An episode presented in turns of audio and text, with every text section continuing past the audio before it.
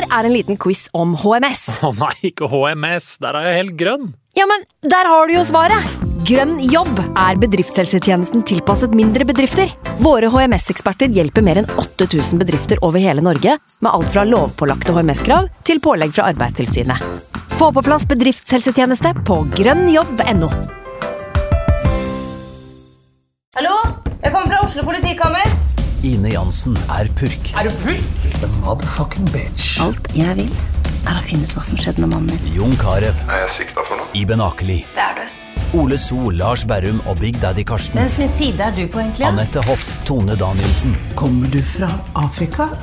Jørnis Josef, Nesten. Kløfta. Trond Espen Seim, Det er synd å si det, men det var feil mann som døde. Purk. Premiere tirsdag på TV2 Play. I can't believe it. Football, bloody hell.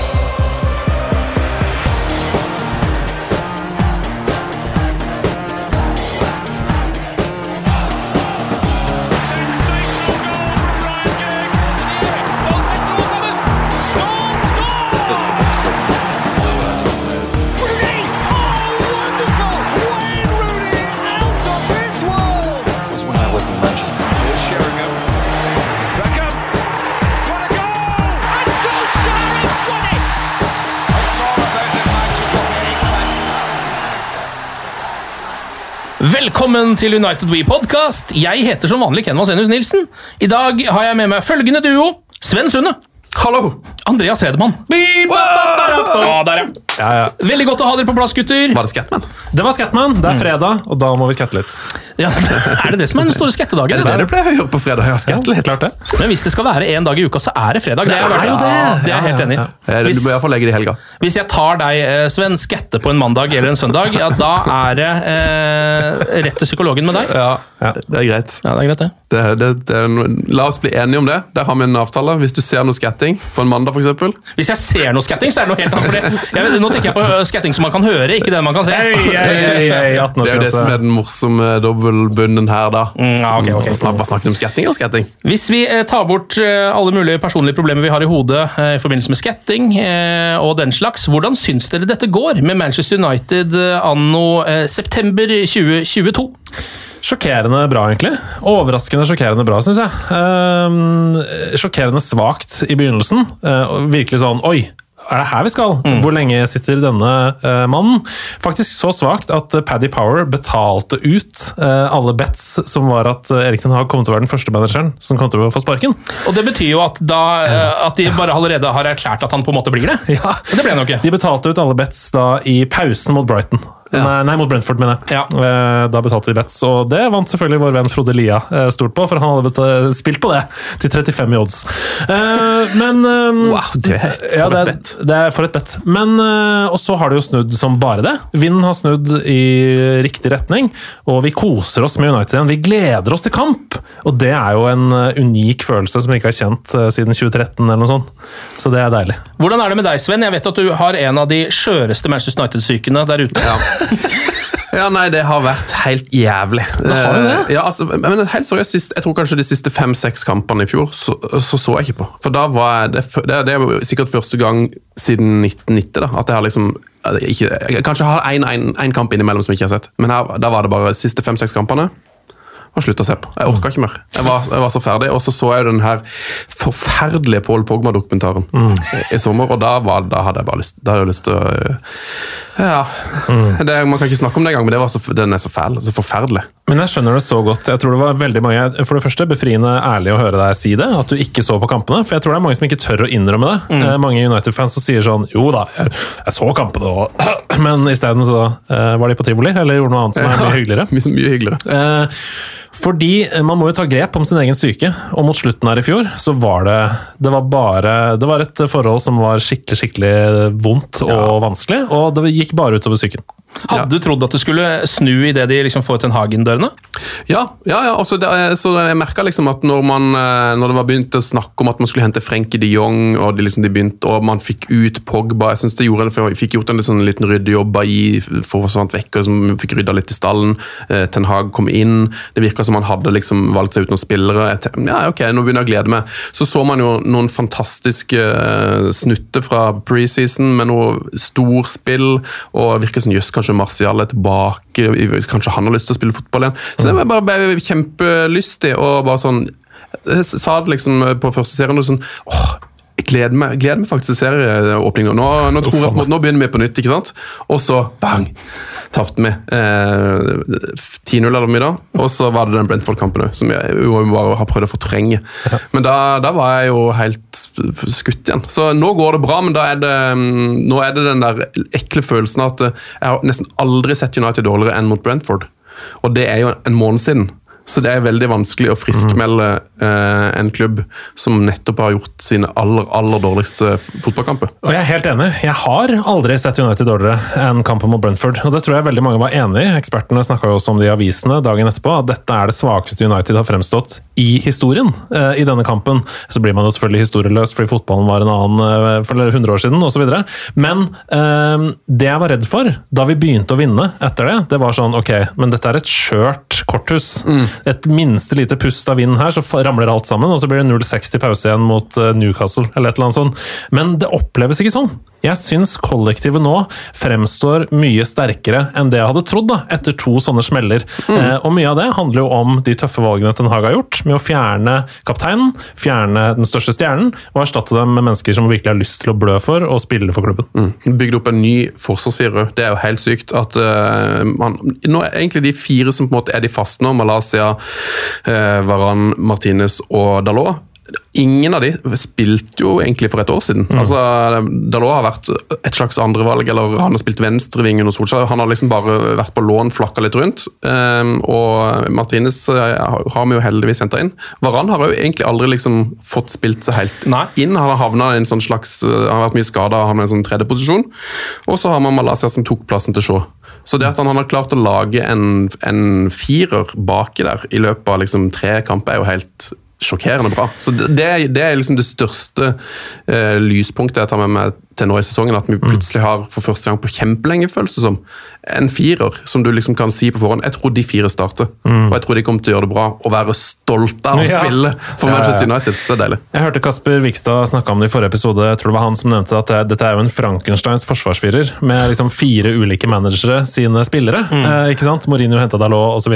Van Gahl henta ikke sant? osv. Eh, men eh, akkurat som at Frankenstein fikk liv, så har jo denne forsvarsfireren også fått det. Og det ser ut som de har spilt sammen hele livet. Så um, det er veldig digg å se. Ja, det er helt rått. Apropos mange av de nye spillerne som dere nevner nå, så er det en av de tingene vi skal ta tak i i dagens uh, podkast. Fordi det er jo ikke så fryktelig mye fotball som spilles om dagen. Eh, vi skal ta tak i den ene kampen som har blitt spilt, altså mot eh, Sheriff fra Tiraspol. Men Andreas har med en liten eh, guide som vi skal ta etter det. Som da er en guide til våre nye spillere. Oi, oi, oi. Og da tar vi ikke med Eriksen og Casemiro der, fordi de tenker vi at de kjenner de fleste som har sett en del fotball godt nok. Men vi vet jo veldig lite, forsvinner eh, lite, om Tyrell Malaysia, om Antony og om Lisandro Martinez. Det er bekjentkveld, rett og slett, med de nye i klassen. Ja, det er det Så der, gøy. og det skal bli så jeg vet, Er det én ting jeg vet du er glad i, Sven, så er det fun facts. Ja! Det skal det bli. Det blir en fun facts og en eh, idiotens guide til de tre nye transferne til Manchester United. Det er bra, for her er det en idiot. Ja. Dette passer bra. Her også. Eh, Men aller først, la oss ta tak i det som har faktisk skjedd på fotballbanen eh, siden sist. Sheriff i Moldovas hovedstad Chisinau. Eh, Fordi man kan ikke spille i Tiraspol. Um, og det var jo det første man la merke til, er vel at det var altså sånn um, Når man drar til sånne type steder, hvis dette hadde vært i Tiraspol, da hvis man ser for seg det, en mulighet til at de faktisk hadde spilt på sin egen hjemmebane, så pleier jo sånne steder å være såkalte heksegryter. Det var det ikke akkurat i Chisinau. Jeg tror det var eh, 60% Manchester United-supportere der. Ja. Nesten, eller i hvert fall de mest vokale. Eh, hørtes ut som de sang om United. Ja, det var, Jeg så en viral video som det heter i stad på Instagram. og Der så du at når Ronaldo skårte, så var jo nesten hele publikum var med på Zoo! For det var Ja. så mange som heide på United der, og som bare ville komme for å se Ronaldo skåre. Jeg har to fun facts om Moldova generelt. Og det er vel at det var det siste landet i Europa som fikk flyplass. Som fikk flyplass! Ja. Ehm, før så måtte man ta toget inn for å komme inn i Moldova. Og så er det vel fortsatt det eneste Her er det mulig å arrestere meg, men jeg tror det er det siste landet i Europa som er et u-land. Å ja! Hva er det som må til for å er det, Har det noe med økonomisk Ja, BNP okay. uh, og sånne ting. Uh, mm. Så det, det er gøy å bo i Moldova. En annen fun fact om Moldova er at uh, da jeg begynte å jobbe med radio eh, og etter hvert fikk jobb i NRK P3, så lagde jeg en såkalt pilot. eh, og Det er da et slags, en slags prøveepisode for å se om det er bra nok til å være på lufta. Der hadde vi et innslag som heter Radio Moldova. Oi. Som var en slags eh, tidlig Borat-humor, hvor vi snakka litt sånn norsk-moldovsk. Eh, den Nei, ble nei, ikke nei. med videre til lufta, og det er jeg ganske glad for, faktisk. Så det er en liten fun fact der. Eh, ellers, det aller første av interesse som skjer i matchen, er eh, noe som har skjedd eh, i de par siste matchene også, nemlig at Tarell Malassia får gult kort nesten med en gang. Eh, og jeg husker at Det gule kortet her var ganske billig, men han hadde allerede lagd et par-tre frispark, så det var liksom ikke sånn at det var helt feil heller. Ja. Um, og det har jo her har skjedd med både, altså spesielt Malaysia, men også Dalot. Jeg synes det er mye gule kort på de bekkene ganske tidlig. Man, altså sånn, når man har sett en del fotball, så blir man jo livredd. For Hvis det er én rask sving der, så er det rødt til slutt. Ja, liksom. Du vil ikke ha en bekk med tidlig gult, det er helt sant. Eh, Men så er det jo denne her, jeg tror det er mange trenere som sier sånn Gå ut, sett deg respekt. Dommeren gir ikke gult de første fem. Ja, det gjør han jo Det gjør han jo tydeligvis. Men dette er jo helt åpenbart Dalot spesielt sin spillestil. Fordi, eh, altså Spesielt den kampen mot Liverpool, var det vel, hvor begge bekkene hadde gult før pause. Eh, hvor jeg fikk melding av en livredd Sebastian Brunestad med nervene utapå kroppen. Så skrev jeg sånn Nå blir vi ti. Nå blir vi ti, og nå kommer det til å komme rundt på kantene. Og han ble helt der, ikke sant? Men Dalot er jo eksepsjonelt eh, god til å unngå å få det andre gule. Altså Han, han legger om spillestilen eh, umiddelbart, med en gang, og fortsatt så har han god kontroll uten å spille på marginer.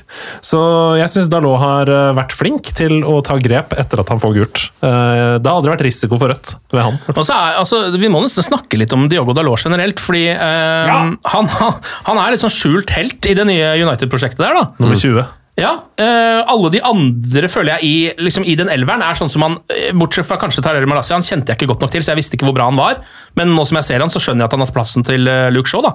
Men Dalot er vel den av dem som alle sier sånn ah, Hvis vi skal peke på én her som ikke fortjener plassen i en United-elver, så er det nok Diogo Dalot. Men sånn som han har spilt i det siste Han har vært helt glimrende. Helt fantastisk.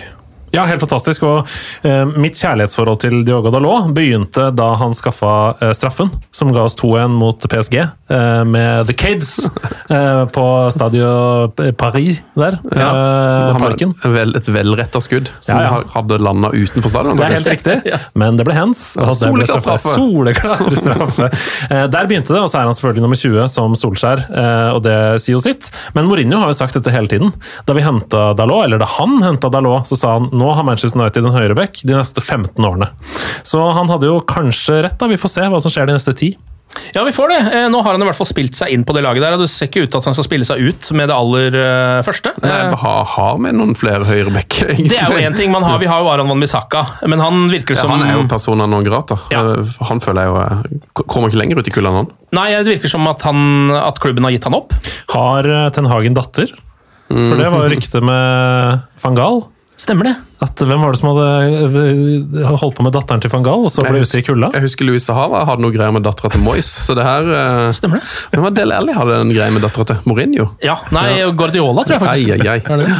Ja. Nei, Han har ikke en datter, Ten Hag? Jeg vet ikke. jeg vet, vet veldig lite om Det er en veldig god teori. Ja, det kan være det. Datterteorien. Ja, eh, At rett og slett Wambisaka har et forhold til dattera til Ten Hag. Nei, men for, for å være helt ærlig, da, så passer jo ikke han inn i Ten Hags spillestil, og det har jo Ten Hag også vært helt tydelig på. Så at Wambisaka er på vei ut av United, det er det ikke noe tvil om. Nei. Det tror jeg er bra for hans karriere også. Men da må man jo få inn eh, en annen høyrebekk, i det minste til å ha på benken. Eh, fordi der, akkurat der er det litt tynt. Rett og slett merka det nå. De bytta jo eh, mot Sheriff. Eh, ville ha inn Luke Shaw, eh, og da tok de ut Dalot. Og så sa, pælma de Malaysia over på høyre. Så liksom det er ingen andre som kan ta den plassen, da. Men De kan jo, jeg mener Man kan jo omskolere eh, Elanga. Jeg tror han har mulighet til å bli en helt rå back. Eh, litt sånn som jeg alltid tenkte med Dan James. og det er jo, det, det er jo Dan og James tror jeg ikke hadde vært en god høyreback. Han hadde vært en god back! Dan James, tenk han da. Ingen, null ballkontroll, masse fart, eh, masse energi. Masse surr, ja. Ja, nei, vi- altså, den- Så Elanga mener jeg bør vurderes Ja. som backup. Nei, Vi har jo satt Lindeløf på den plassen noen ganger, uh, ut på bekk når vi har bytta, istedenfor å putte Van Bissaka der. Og det er jo fordi han har jo erfaring på høyre bekk. Uh, han ble vel også, Bailly ble vel også prøvd der på et tidspunkt. Ja. Eh, det gikk veldig dårlig. Ja, det gikk veldig dårlig. Lindeløf er jo stødig nok som høyrebekk, han, men uh, nå er jo liksom, virker det som de bekkene er litt for viktige i det offensive til at uh, jeg tror han kan være liksom en erstatter der. da. Mm. Ehm, det er egentlig ikke så, altså den Kampen mot Sheriff er jo eh, en relativt kontrollert kamp av Manchester United, men det er ikke så veldig mye som skjer foran målene i denne matchen. her. Blir jo et eh, ganske tidlig mål, riktignok, etter 17 minutter. Og det her er nok en Manchester United-skåring under Erik Den Haag etter veldig mange trekk. Eh, Noe man har sett veldig lite av under både Solskjær, Mourinho til og med van Gall, som var kjent for å ha mange trekk, men allikevel, det, er liksom, det ble ikke så ofte mål av det. Eh, Og I dette tilfellet så er det jo Malassia som spiller McTominay, han spiller Dalot, han spiller Antony, han spiller Ronaldo, han spiller Eriksen til McTominay, til Sancho, til Fernandes, til Eriksen, til Sancho igjen. Og Jaden Sancho drar av én mann og setter den eh, helt nede i hjørnet via stanga. Og det er uten at en eneste sheriffspiller har vært borti ballen. Det er deilig. Ja, det er jo veldig deilig. Uh, Å score liksom uh, etter å ha spilt ut et helt lag etter noter, på en måte. da. Assist fra Eriksen også, uh, dette her. Um, og jeg synes Det er to ting dette målet her sier om Manchester United. Det ene er at nå har de skåret en del mål hvor dette nettopp har vært sånn. Mm. Skårte sånn mot Liverpool òg. Mange mange trekk. Eh, og så ender det med mål. Den andre tingen er at er ikke Manchester United veldig effektive om dagen? Det her var første sjansen deres i denne matchen. sånn ordentlig. Og 1-0.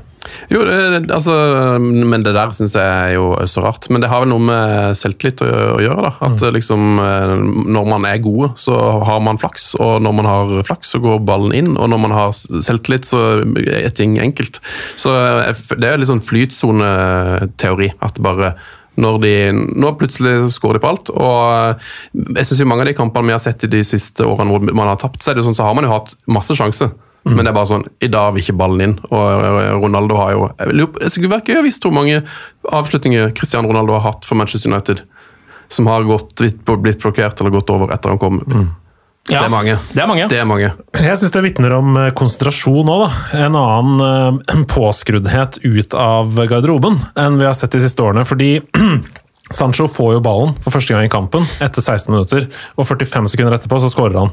Etter at han får ballen for første gang.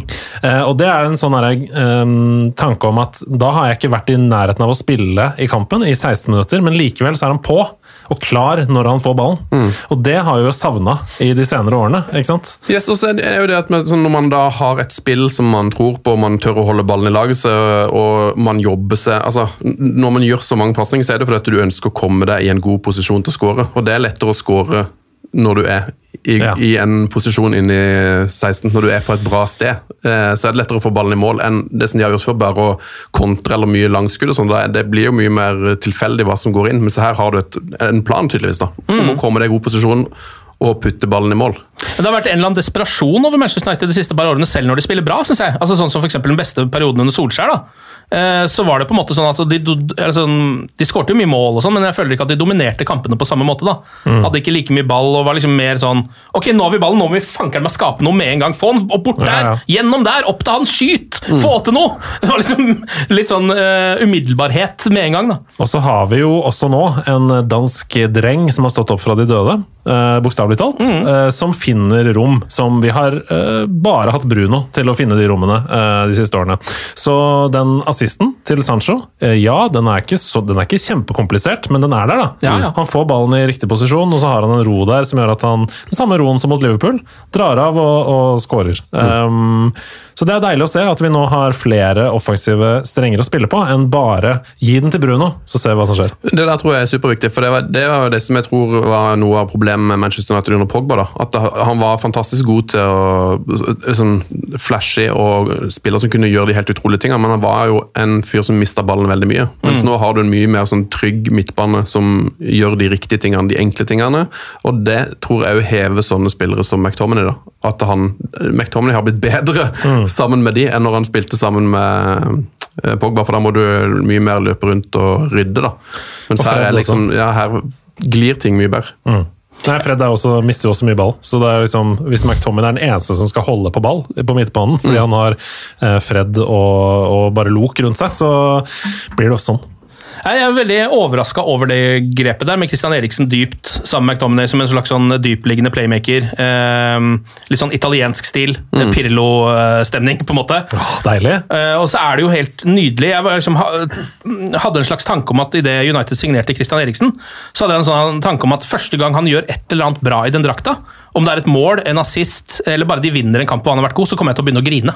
På en måte, For jeg har så mye følelser tilknyttet den danske mannen der. Det har ennå ikke skjedd. Nå er det akkurat som at jeg tar det bare helt sånn Ja, han er selvfølgelig United-spiller, han har vel vært det i flere år, han, så han leverer ut på det, liksom.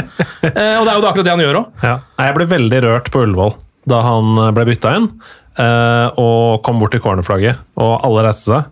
Uh, og han snudde seg og klappa til tribunen. Det var, det var, da var klumpen uh, høyt oppi halsen for min del. Ja, det kommer til å komme. Det, altså Tårene kommer til å komme pga. Christian Eriksen en eller annen gang i løpet av sesongen. Det kan jeg nesten eh, love. Um, Sheriff har ikke veldig mange sjanser mot Manchester United. De har en etter 22 minutter. Uh, United presser litt slapt. Og det er et skudd utenfor fra ja, ish 16 meter, så vidt jeg kan huske.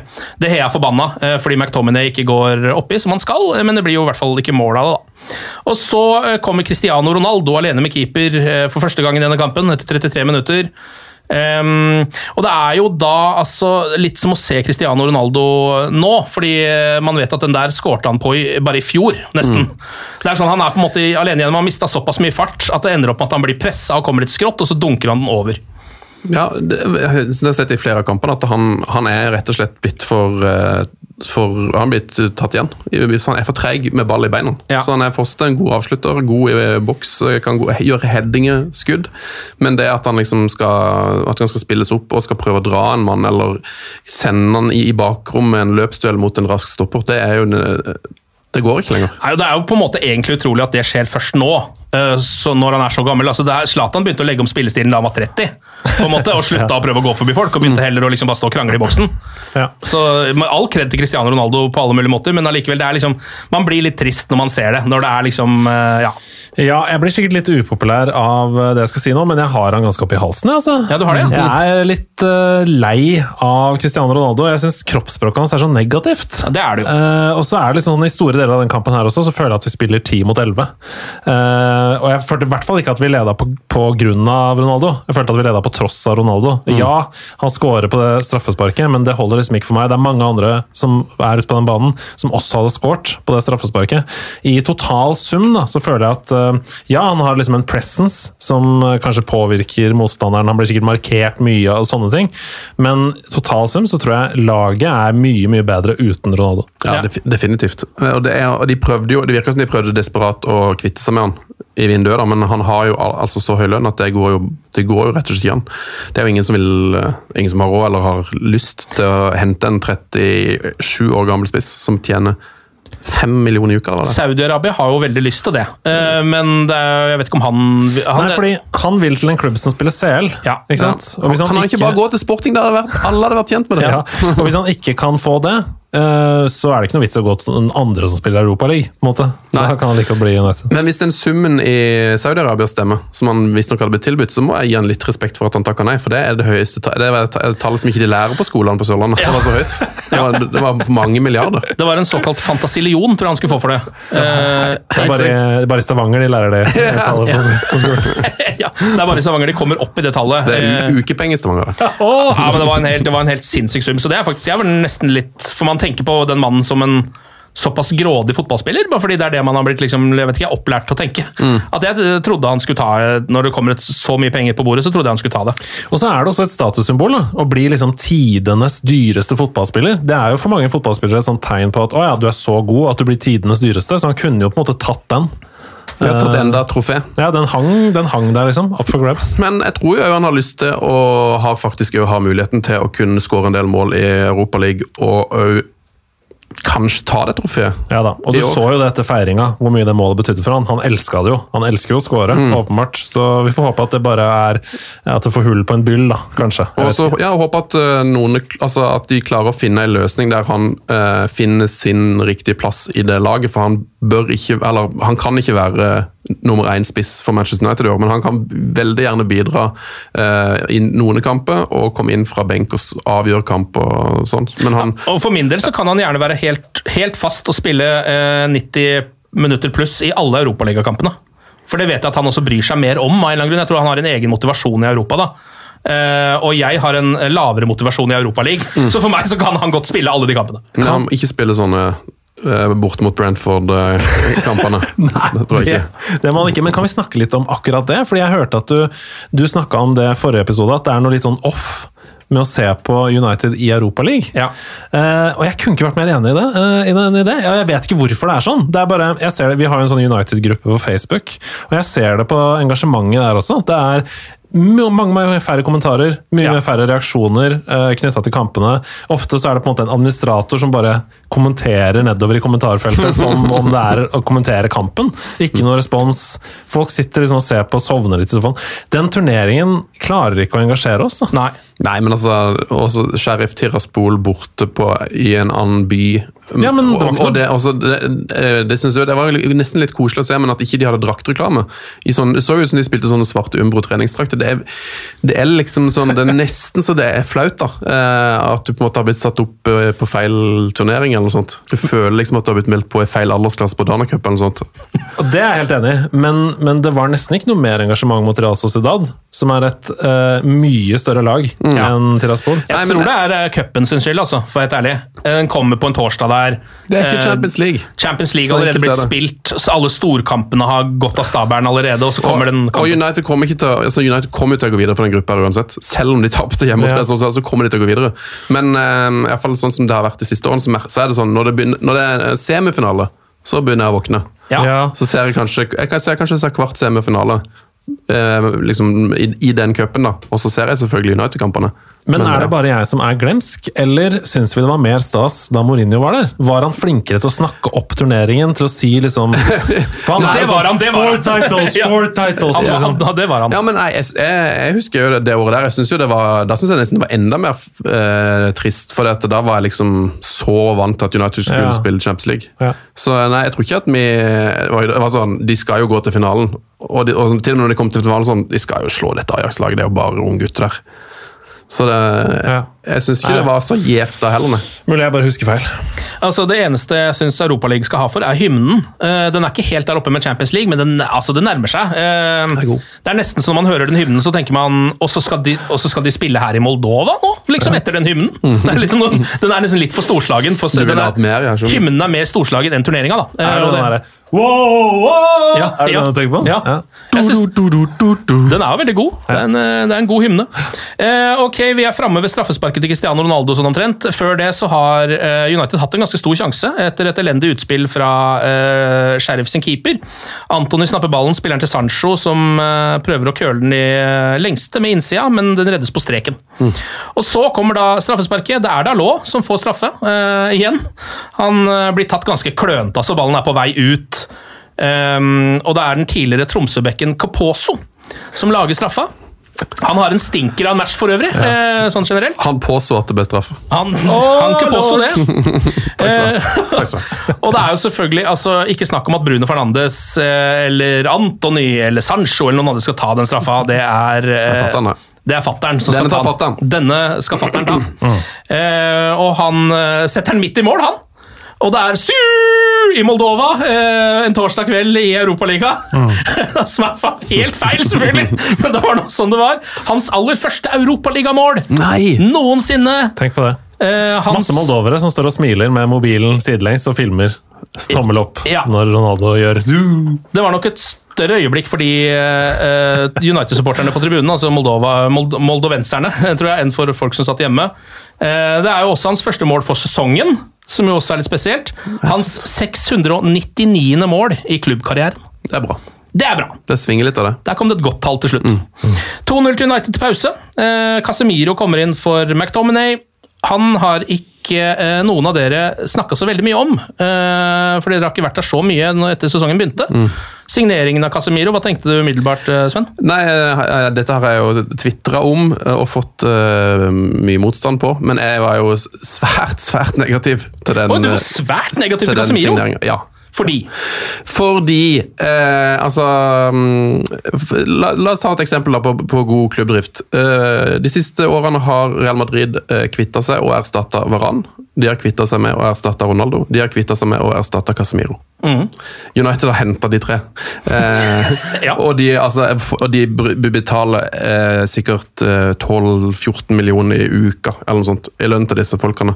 Eh, og hvis du skal bygge en, eh, hvis du skal bygge et nytt storlag, så, så bygger du ikke et nytt storlag med å hente 30-31-32 år gamle Mm. eh, spillere på vei ned, som bare jakter sin siste kontrakt, sin siste payday. Det er helt feil vei å gå. Mm. Eh, så hvis du skal bygge et nytt storlag, så må du nesten bare sikte deg inn på spillere som er 25-26 minus. Men, men altså, Og så må du du bygge de opp i, i lag og, og bygge opp et nytt storlag med nye, unge, sultne, talentfulle folk. men, det er, men, men eh, oppskriften er vel ikke likevel at alle 11 i, i startelveren skal være 20-25? For man må jo ha noen litt eldre der òg. Det sier seg selv, Du kan godt ha en gammel kaptein som har spilt lenge, men du må i hvert fall rekruttere eh, ungt. og eh, altså Det her er jo som å hente eh, Nemanja Matic. da. Det er på en måte, det er basically nesten den samme signeringen. Du henter en, en spiller som har vært verdens beste i sin posisjon, eh, kanskje i en periode. eh, akkurat som Matic var. Og så er det sånn, men du henter han fire-fem år for sent, og du vet at han kommer til å være god. Kan godt være han er god i to-tre, kanskje tre-fire sesonger. Men du vet jo at om to-tre år så har du kanskje et kjempeproblem eller et nytt problem. Um, og du har ikke noe mulighet til å liksom Du, klarer, du kommer til å slite med benkene, eh, du kommer til å slite med å bli kvitt han, for han er inne på for høy lønn. Så du bare, du bare egentlig utsetter um, å fikse problemet. da. Du har bare kjøpt et nytt problem. Så Derfor så burde de kjøpt en eh, De burde kjøpt eh, han Shomeni eller Camavinga Kamavinga eller noe sånt. De burde kjøpt Som- Real Madrid, Som, så som det- Real Madrid, tror jeg. Ja, men det er det. Der hvor på en måte Real Madrid har kvitta seg med de du snakker om, så har United kvitta seg med James Garner, Tahid Chong og Dean Henderson. Altså Ja. kvitta seg med unge, talentfulle 20-åringer og kjøpt eh, gammelt ræl. Eh, nei da, det er, ikke, det er ikke gammelt ræl. Det er det ikke, altså. Jeg er veldig fan av Casemiro eh, og syns han har vært eh, storartet. Så da jeg så den signeringen, så tenkte jeg altså, jeg syns han er fantastisk. Er en av mine favorittspillere all time. Og jeg tenkte, Men det er feil mann. Jeg tenkte uh, i to sesonger nå, minst, så får vi en veldig veldig solid midtbane. Og det blir 4-3-3 umiddelbart. Det må det bli. Um, og Casemiro kan passe på en livredd Maguire som får tilbake selvtilliten sin. Det var det første jeg tenkte. Og så viser det seg at nå spiller jo den forsvarsfireren helt gnistrende, så vi trenger ikke den hjelpen foran Maguire, for han er ikke på banen. Yay! Eh, så behovet er kanskje ikke så skrikende som vi trodde. Men jeg tror at Casemiro blir veldig viktig for United de neste sesongene. Eh, Og jeg tror at eh, Ten Hag har helt rett når han sier at han må venne seg til måten å spille på. Og så er spørsmålet om han noen gang klarer det. Eh, Å venne seg til den måten å spille på eh, som Ten Hag ønsker. Det vet vi ikke. Nei, Det vet vi ikke, men eh, det er et eller annet i meg som sier at det overrasker meg veldig om vi ikke sitter her om et halvt år og Casemiro har tatt den plassen til McTominay så soleklart at vi ikke kan skjønne at han ikke var der hele tiden. Hvis dere skjønner hva jeg mener. Nei, Vi får håpe det. Ja, vi får håpe det. ja. Eh, Jeg bare eh, jeg, det Alle logikk i meg eh, tilsier at det skal skje, da, fordi det er såpass Jeg mener at det er kvalitetsforskjell på de to spillerne der. Eh, Og så er det selvfølgelig tilvenning og alt det der, da, eh, men allikevel. Ja, det er jo kvalitetsforskjell i at de har forskjellige kvaliteter. Jeg tror jo at øh, Og det øh, høres jo veldig rart ut å si, men jeg, tror jo at at det er mer verdi for United i å ha Scott McTominay der de neste seks årene enn å ha Casemiro. For Casemiro kommer til å være bra nå i to år, mens McTominay kan du ha som en verdifull spiller som, som skjønner klubben, som har vokst opp i ungdomssystemet, som skjønner hva det vil si å være United-spiller, hva det vil si å sitte på benken i United, som kan bidra på mange måter, mens uh, Casemiro er mer en leiesoldat, en quick fix. Men vi skal spille 60 kamper da, hver sesong, så vi kan ikke la Vi, kan bruke, vi, kommer spille til å kunne, 60. vi kommer til å kunne bruke alle, men uh, jeg synes hvis han først skal bruke 700 millioner på en spiller, så burde de heller hente Frenkie de Jong eller, eller et annet uh, ungt Jeg er enig i det, altså. Det føles litt luksus. Det gjør det. Men de ville jo også heller hente Frenkie de Jong, så akkurat den er vel, er vel grei. Det fikk de ikke til, det. Så da ble det Casemiro. Men eh, jeg tror jo problemet at de vil jo hente altså Det sitter jo en, en markedsavdeling som er i ypperste verdensklasse her òg, som vet at det er så mye benefits med å hente Casemiro. Det er jo derfor de henter han og Ronaldo og Pogba og Varan. Og Mag- det er jo superstjerner. Det er jo, de selger jo tyggis og chips og plakat og billett og drakt og alt, ikke sant? Casemiro-tyggis. Hva smaker den? Men jeg har sett, smaker sikkert Casemiro, den da. altså jeg har sett overraskende mange McTominay-drakter der ute også. Eh, De er det som har kjøpt. For er en, kanskje Norges største McTominay-fan. Ja. Bortsett fra Sebastian Elsker. Brunstad, som eh, elsker Scott McTominay. Du Dere får ta en duell. Ja, men jeg har jo et sitat, som, er- eller en saying hvor jeg mener at jeg vil heller, ha et, jeg vil heller se et United med 11 McTominays eh, enn det vi har nå. enn det vi har akkurat nå. Ja. Å ja, så du syns ikke det går så bra nå, du? Jo, altså Ja, men jeg mener det helt seriøst. Jeg, vil, jeg skjønner jeg, vil jeg, jeg tror vi hadde vært et veldig bra fotballag med elleve McTominays. Fighting-vilje, eh, kjærlighet til klubben osv. Jeg skjønner det. Vi skal faktisk på et tidspunkt Dette her kommer til å gå av stabelen. Da skal det være neste gang du er i eh, Oslo, Sven, hvor vi Mhm. spiller inn denne podkasten. Da er det duell mellom deg og Sebastian Brynstad. Hvem er egentlig den største Scott McTominay-fanen Yes. i landet? Oh, fantastisk. Hvis det er andre som vil melde seg på, eh, så kan vi kjøre en hel turnering. Hvis det er andre som mener at de kanskje er McTominay-fans eh, fan nummer én, Meld dere på. Det er bare å begynne å øve. Fantastisk. Ja, det er bare å begynne å øve. jeg, har, jeg har sveisen. Nå skal jeg kjøpe meg draktmerke. Ja. Eh, en quiz kommer Åssen er Brynstad på McTominay-quiz? Jeg tror jeg er ganske sterk der. Vi får se. Vi får se, ja. Vi får se. Uh, ok, andre omgang er dørgende kjedelig. United har jo allerede vunnet kampen, og Sheriff er ikke kapable til å skape veldig mye. United har et par sånne småsjanser. helt i starten så har Dalot et av sine mange veldig gode innlegg som han har hatt denne sesongen her. Et lavt og flatt et 1.45 med Bruno eh, prøver å avslutte på én touch, men det reddes ganske lett. Og så merker jeg meg en ting i det andre omgang eh, har eh, vart lite grann, er at Tarell Malassia går inn i banen når United angriper. Litt sånn som Joao Cancelo gjør for Manchester City. La dere mm. merke til det? Mm. Han ligger ikke ute på venstrebekken der, han kommer ikke på de overlappene, og sånn. han ligger midt i banen som en midtbanespiller. Moderne bekkspill Ja, det synes det var litt interessant å se. Så får vi se om Malaysia faktisk har de kvalitetene til å gjøre det mot litt bedre motstand da, for det Ja, for vet jeg ikke. det, kommer nok veldig an på kampbildet, tror jeg, om det skal gjøres. Ja, det tror jeg også. Eh, Fikk dere med der eh, altså Det var et unikt lite øyeblikk som skjedde i pausen. Fikk dere med dere det? Når var det? Det skjedde noe som jeg nesten aldri har sett før, eh, av at det var såpass dårlig vakthold. da. Men når eh, Ronaldo går inn til garderoben, så er det ei dame som jeg tror jobber med i Røde Kors, eller i ambulans, ambulansen. Mm. Den som står på, på en måte rett med tunnelen, og som i sånn rød, Røde Kors-uniform, og, så, eh, og som går bort til Ronaldo og liksom Jeg, Jeg lurer på om hun tar bilde, eller tar på han, eller snakker til han, eller Og vi har en selfie, tror jeg. Ja. Men den blir avslått av Cristiano, som går eh, inn i garderoben. Som synes jeg hører bør. Han er jo ikke vant til å ha blitt kontakta akkurat Wow. der. Og da ser du at hun får kjeft av han som er på en måte sånn Ja. sikkerhetsansvarlig, og så har hun så utrolig bra ansiktsuttrykk når hun blir tatt seg på sånn ah, Ok. Men snakk om å utnytte uh, det, det verste i mennesker, da. Altså, her kommer jeg med Røde Kors-uniform. Du skal vel gi meg selfie? Det er jo helt forferdelig å høre. Må jo miste jobben asap. Ja, det er veldig spesielt. Uh, og det er jo også, dessverre, veldig Europa League. du ser ikke det, der i Champions. League, ass! Det hadde ikke skjedd i Champions League. Du ser ikke minn på det det, du ser ikke det der på uh, Santiago Bernabeu eller på Ibrox, for den del. Altså, det der er ikke, det er ikke sånn det skal være. Det kan hende du ser det på Spotify-kamp nå. Det kan det. Det- Spotify-kamp nå, altså. Uh, ja, jeg vet ikke om det er noe vits i å uh, nevne de tingene som skjer resten av matchen, for det er så å si nada, men det er noen bytter. Uh, Shaw kommer inn. For Dalot er jo eh, fint å ha Luke Shaw tilbake på banen igjen, så vi ser om han kan utfordre Tarell Malassia om den venstre backplassen. Det er ikke så lenge siden Luke Shaw var en av Europas aller beste venstrebacker. Nei. Men det var jo, det synes jeg var litt interessant i den Sociedad-kampen. Når eh, de altså Nå har han jo spilt med det samme laget. i Ganske, de spilte vel basically samme lag i fire kamper. og så Til Sociedad så gjorde de noen endringer, og de, og de på en måte slapp til de, de losersene som dreit seg ut mot Brentford. Så Ja. altså, nå, skal de, nå skal dere få sjansen til å vise dere fram. Men så klarte de jo ikke det. Nei.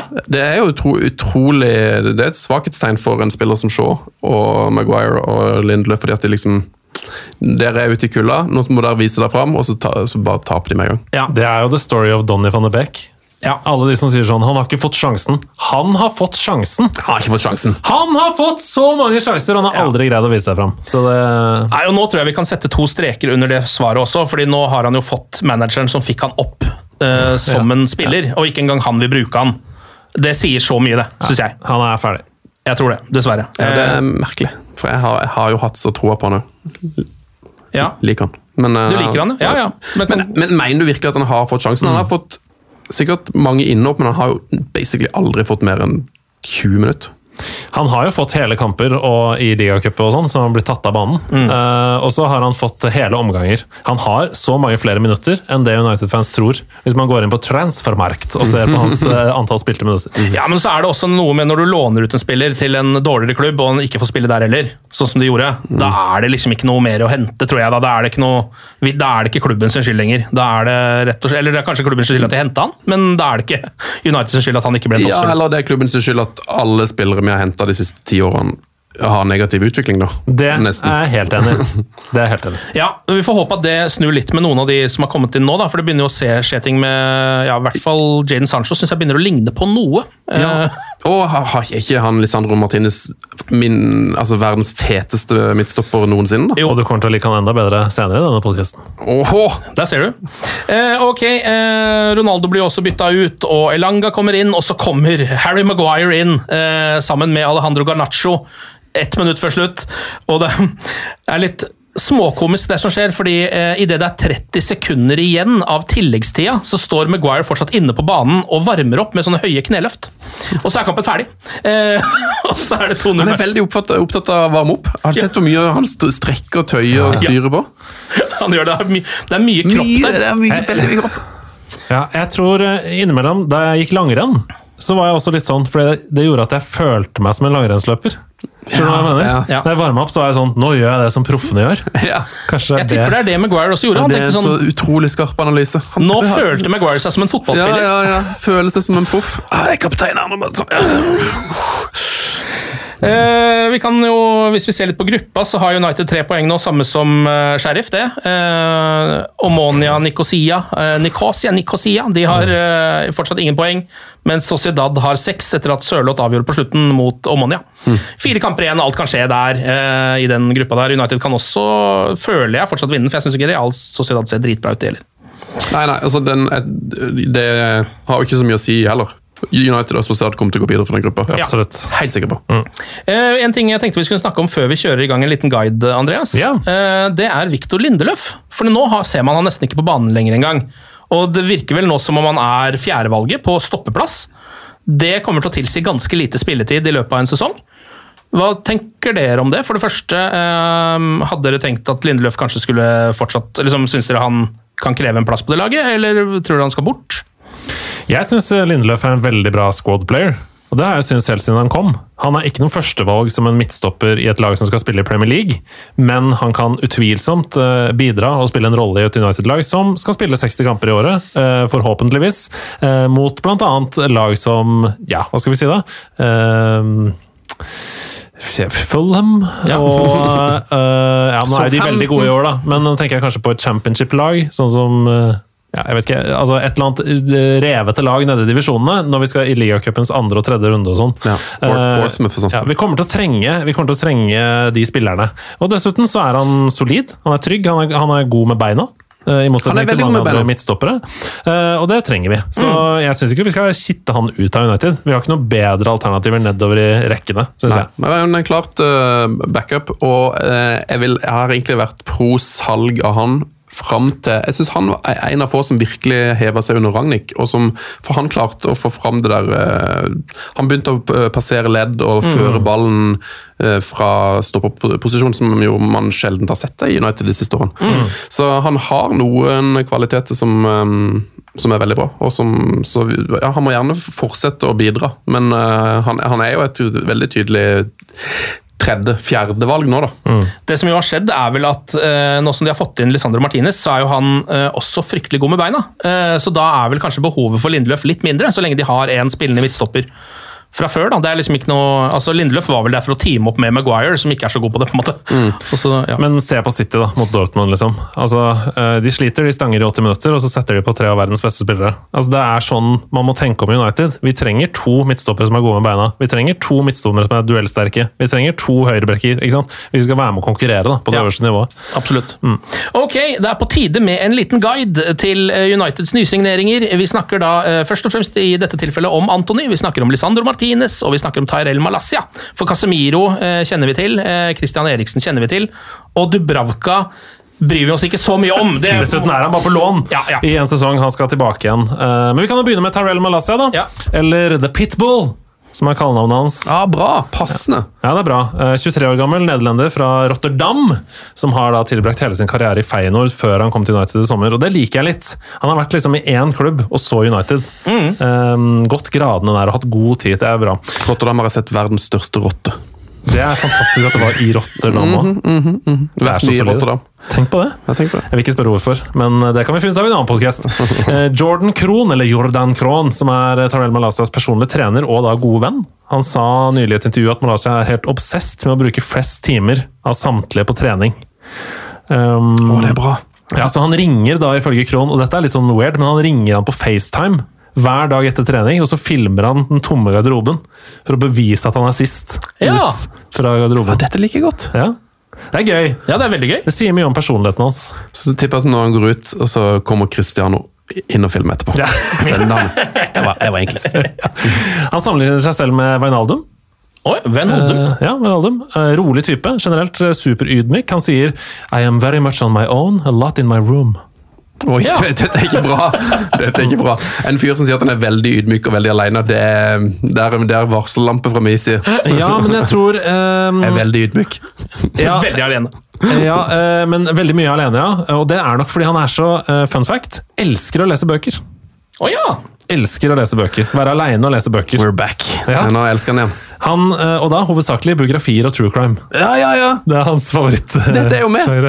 Ja. Biografi, helt topp. Eh, Annen fun fact, hater sosiale medier.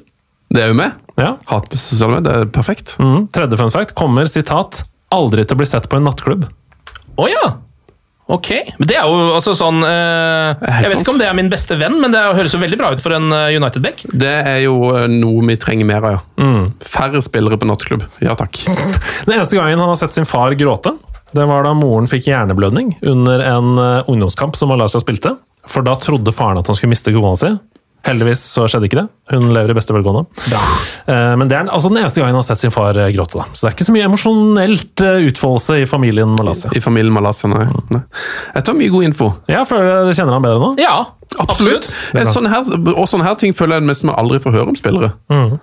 Men det er veldig sjelden at man får høre om når spilleren sist hørte, så sin far gråte. Det er Ja. ikke så vanlig, det. Helt enig i det. Og det som er bra med det, er at det, det blir jo et menneske, ikke sant? så det er vanskeligere for oss å gå rett i den derre 'Å, det er så dritt!' neste gang han ikke spiller bra. Fordi han er en rolig fyr, han liker å lese bøker. Pass på den emosjonelle kapasiteten. Ja, men det er veldig bra. For jeg, det, ja, jeg mener, og det er tydeligere og tydeligere at i de gode lagene så er det jo for at det ikke bare er det gode spillere, men det er jo et bra lag og gode folk som bygger hverandre opp.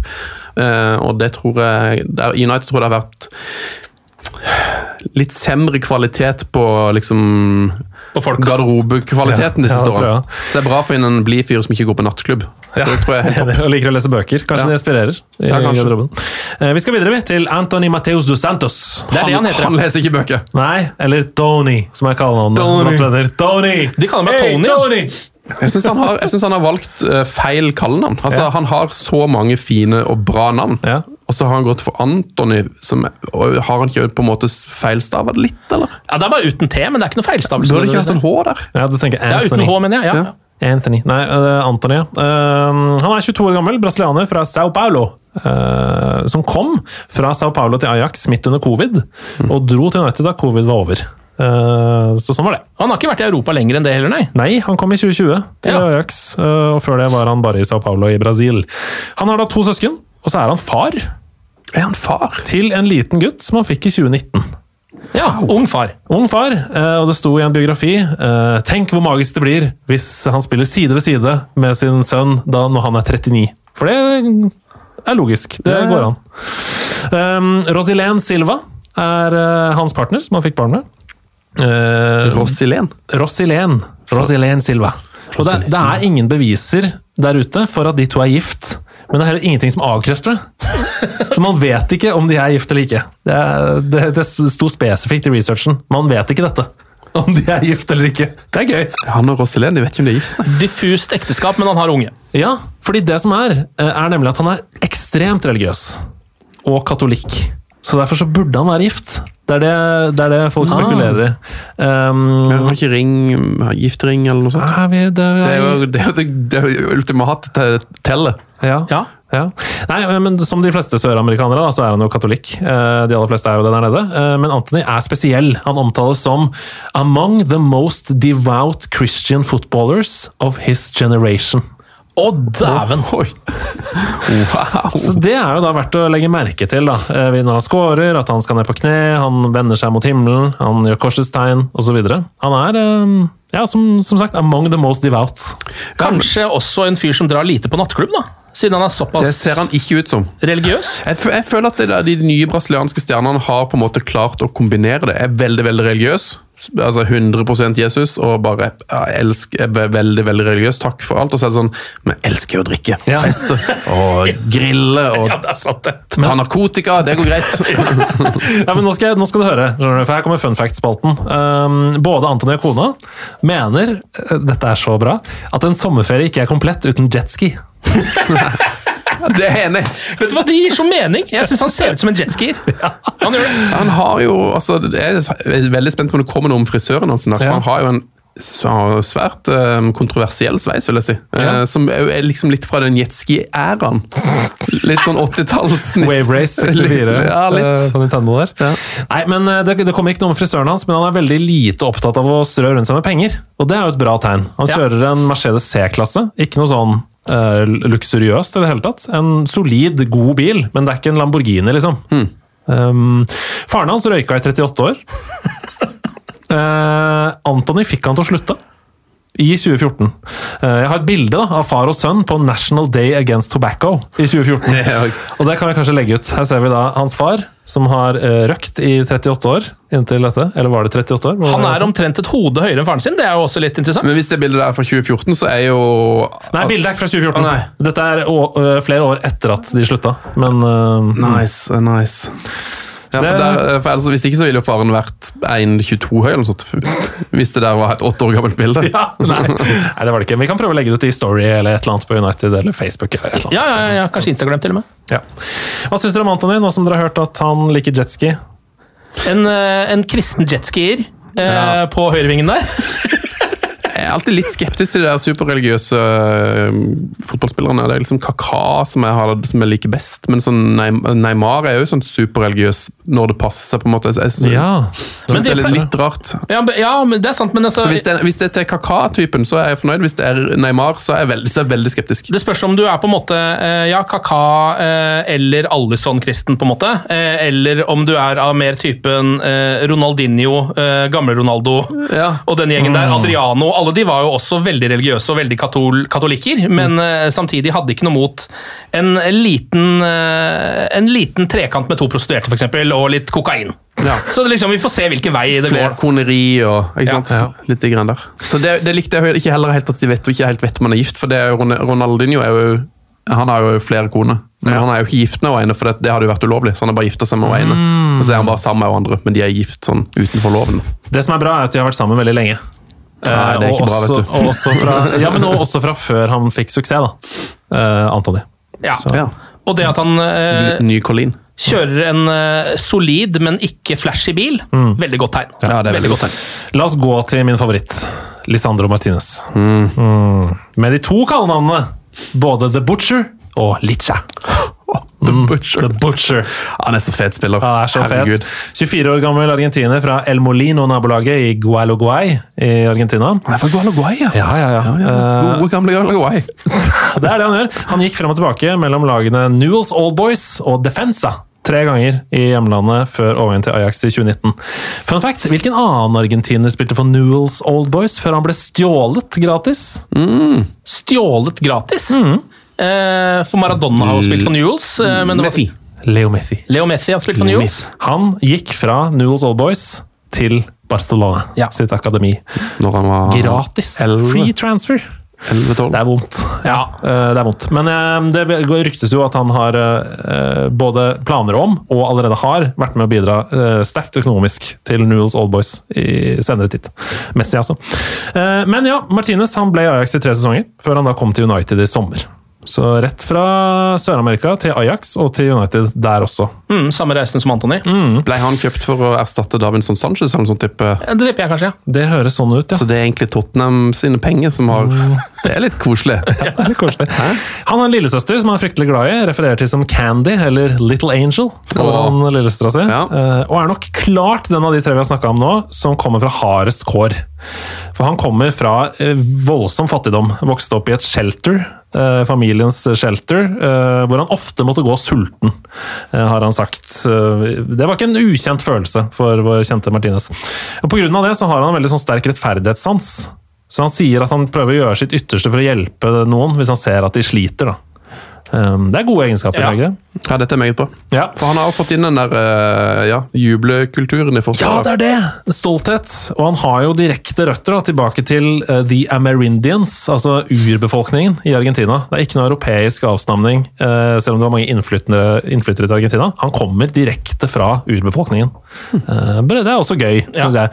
Eh, og så er han katolsk kristen, sånn som Antony og sånn som alle andre i Sør-Amerika. Eh, på privaten da, så er han kjæreste med Mori Lopez Benitez. Mori Lopez Benitez.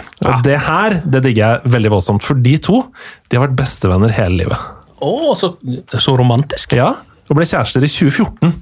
Ikke sant? Det er jo åtte år siden, og har nok en gang vært der fra ingenting til alt. Veldig, veldig bra. Eh, ikke en gold digger, da, om du vil. Eh, hun, hun er der i tykt og tynt. Eh, har også skapt seg sin egen karriere som modell på siden. Eh, uten, Anthony, nei, uten Martinez sin hjelp. Har 40 000 følgere på Insta. Å ja, så hun er SoMe-stjerne Ja da, hun omtales som one of the biggest carnival queens of Argentina. Så det er noen kule bilder der hvor hun har eh, fjær på hodet og går i carnival i Argentina. Men uh, over til vår venn. Fotballmessig så har han uh, to store forbilder som alltid har vært der, og det er to andre argentinere. Åh, oi, oi, oi, er det, um, snakker vi Walter Samuel her? Ja, du, Dere kan få gjette, da. Hva med Ali Ayala? Han, Roberto Ayala? Nei. Jeg vet at han, eh, han digger jo Canavaro Cannavaro bare fordi han er lav, eh, har jeg hørt rykter om, men han er jo ikke argentiner. Nei. Det er rett og slett Gabriel Heinze Perfekt. og Carlos Tevez. Nei! Oi! Oh, så det ikke, han måtte ende opp i United, han. Ja, det er det! Ja, ja, ja. Det er jo helt sjukt, men Tevez er vel ikke vår bestevenn eh, lenger? Nei da, men, eh, men allikevel men jeg elsker Tevez en stund der. Ja. Han har jo faktisk også litt spillestilen til Gabriel Heinz og Carlos Tevez. Ja, Tevez det jo fant jo opp uh, den der uh, headetaklinga. Han pleier å prøve å blokkere med huet. Det tror jeg vi kommer til å se fra Lisandro. Ja, men det er gøy. inn med huet først. Det er ikke Messi, altså. Jeg trodde dere skulle tippe Messi, men det er ikke det. Det er Heinze og Tevez. Nei, jeg tenkte bare rett på ok, små stoppere. Det var det eneste. ja, jeg skjønner. Det har vært så mye fokus på at han er så liten. Eh, Noen fun facts til slutt. Etter seieren i Copa America så leide Raúl Martinez, som er faren til Lisandro, en brannbil for å kjøre Lisandro rundt i hjembyen Guaraguay mens han mottok hyllest. Yes! Bare han? Ja. Sjekk på gutten, da! Opp på brannbilene. Fy faen. Det er helt konge. Det er jo guttedrømmen. Brannbil er jo det kuleste som fins. Jeg syns United skal hente faren òg. Han vil ha inn i klubben. Og det var helt fantastisk. Da, da Martinez ble, Jeg så en video av dette i researchen. Da Martinez var kaptein for Argentina for første gang, så står han selvfølgelig og strigråter på tribunen. Faren til Ja. Martinez. Det er nydelig. Ja, dette her, altså, ja, jeg ble litt mer glad i alle tre. nå. Ja, jeg har to fun facts til. Ja. De har ikke noe barn, han og kjæresten, men en hund sammen. Det er basically det samme, det. Og så har han et favorittsitat, som er et argentinsk ordtak, som høres ut som noe som kommer fra eh, eh, Home and Cottage, eller noe, men dette er i hvert fall sitatet. You will never reach your destination if you stop to throw rocks at every dog that barks at you. Det er en litt, ja, litt skrudd utgave av noe som henger på veggen på hytta. det. Ja, det er det. Det handler om da å ikke henge seg opp Ja, i ja, ja. motstand, men Det, er gå gode, det er gode ord, det der. Men veldig solid type. Eh, ingen distraksjoner. Her skal han bli verdens beste, rett og slett. Det er fett, da. Ja. Ja, vet du hva, Dette her eh, synes jeg var nydelig. Bra jobba, Andreas. Eh, takk for at du eh, ga oss eh, litt ekstra om de tre. Ja, dette var veldig bra. Dette må man gjøre oftere i denne podkasten. Det var en bra, et bra initiativ. Ja, det er jeg helt enig i. Ok, eh, neste kamp for Manchester United. Eh, Ja. altså det, det er lenge til. Det er søndag 2. oktober klokka tre. Men det er rett og slett City på Etihad. Ja, det blir jo ikke bra.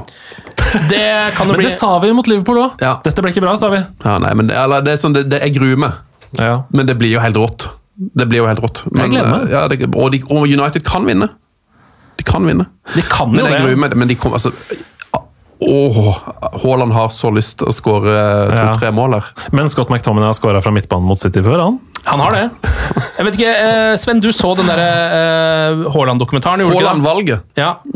Eh, var det i, i det hele tatt noe sjanse for at han skulle komme til Manchester United? eller? Nei. Nei. Det var, men det var, den var veldig interessant, for de, de forklarer jo um, deres uh, måte å tenke på og og, hvem de skal velge. Og Da satte de seg opp liksom sånn um, De satt, lagde skjema, og så var det liksom hva er det som er viktig. Så er det sånn, Han må gå til en klubb som trenger en nier. Det var omtrent det viktigste for at han skal spille nierrollen. Liksom.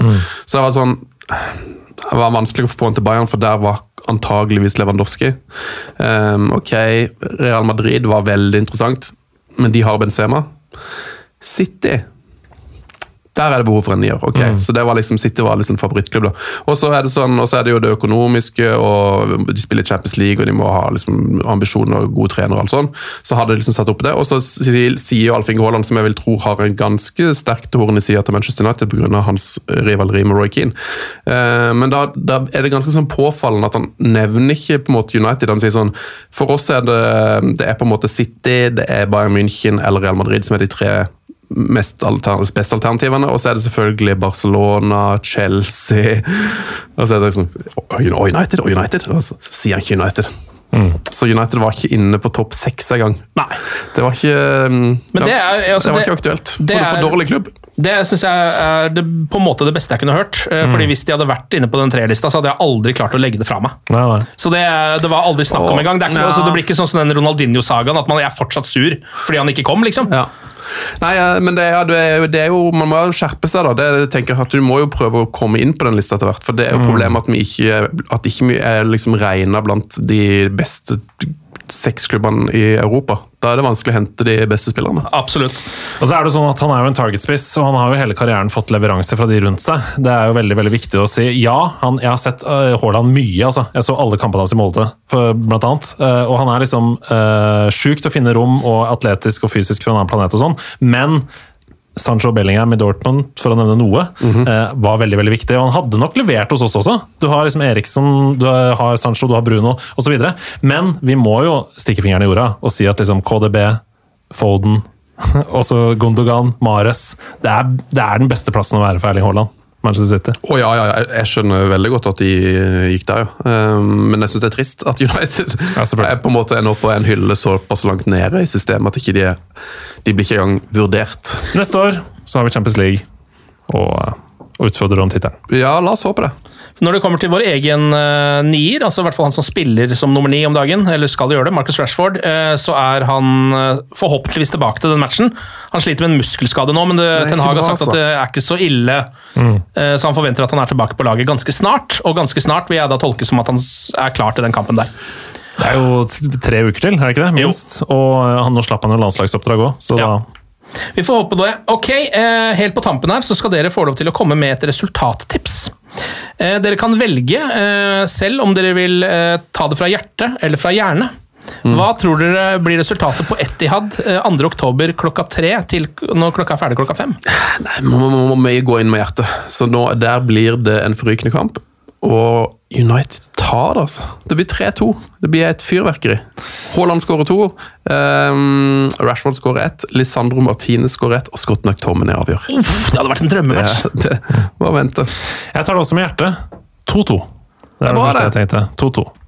2-2, ja. Eh, jeg kaster en 1-1 opp i bagen. jeg. Ja. Den er fra både hjerte og hjerne. ja. Så får vi se. Så, altså, Manchester Sier hjernen din 1-1, altså? Eh, Den, ja, sammen med hjertet, så sier den det.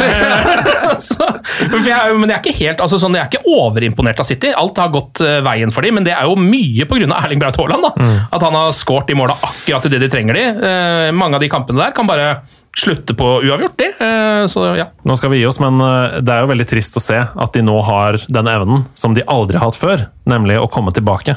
Det er veldig trist at de nå har. For det er det eneste som har mangla. I Champions League for eksempel, de har falt sammen mentalt hvis de har ligget under og ryker ut av turneringen. Nå snur de eh, 0-1 til 2-1 mot Dortmund og sånn. Ja. Ikke bra tegn. Ikke bra tegn i det hele tatt. Ok, eh, Sven og Andreas, tusen takk for praten, og glory, glory. Glory, glory!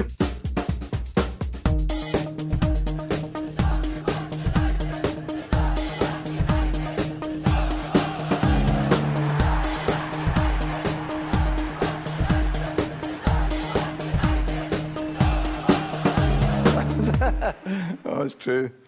I've seen many things. Moderne media. Ukens annonsør det er matkasseleverandøren Hello Fresh. Der kan du velge mellom 25 ulike oppskrifter hver uke, eller få Hello Fresh til å sette sammen en meny for deg.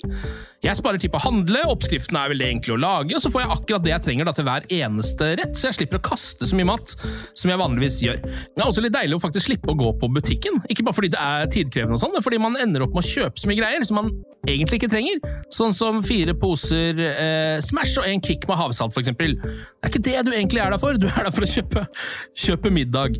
Så det er en veldig eh, kjekk ting. I tillegg så er det jo eh, ferdigporsjonerte ingredienser, det blir mindre matsvinn, og du betaler bare for det du faktisk trenger, og det du faktisk da spiser. I tillegg så blir det da levert på døra eh, til et fastsatt tidspunkt, sånn at du kan få det akkurat når det passer for deg eh, sjæl. Hvis HelloFresh høres ut som noe for deg, så har jeg en rabattkode du kan bruke også. Gå inn på hellofresh.no og bruk koden HelloUnited24. HelloUnited i ett ord, også 24, og få opptil 1779 kroner i rabatt på de fem første matkassene dine hvis du ikke har prøvd Hello Fresh ennå. Du kan også bruke koden hvis du tidligere har vært kunde, men har stoppa abonnementet ditt for tolv måneder siden eller mer. Det er ingen bindingstid, og du kan pause eller avslutte abonnementet ditt akkurat når du selv måtte ønske. Husk koden HelloUnited24, og bon appétit! Ukens annonsør er Folio, en smartere banktjeneste for deg som har en egen bedrift eller ønsker å starte for deg selv. Folio er en superenkel nettbank for bedrifter. Som kunde i Folio får du en bedriftskonto med et bedriftskort og app. I denne appen er det smarte løsninger som forenkler regnskapet ditt, uansett om du har en liten bedrift eller et enkeltpersonsforetak. Folio er både intuitivt og brukervennlig, og er laget med et enkelt språk. I tillegg tilbyr de forutsigbare priser og ingen skjulte gebyrer. Skulle du likevel trenge det, så kan du snakke med deres raske og hyggelige kundeservice, og der får du prate med en faktisk person og ikke en chatbot. Folio er med andre ord både enklere og koseligere enn banken. Over 10 000 bedrifter har allerede valgt Folio som sin banktjeneste, så besøk folio.no og se hvordan Folio kan forenkle din hverdag også. Har du et enkeltpersonforetak eller en liten bedrift? Da er du sikkert lei av å høre meg snakke om hvor enkelt det er med kvitteringer og bilag i fiken, så vi eh, gir oss her, vi. Fordi vi liker enkelt. Fiken superenkelt regnskap.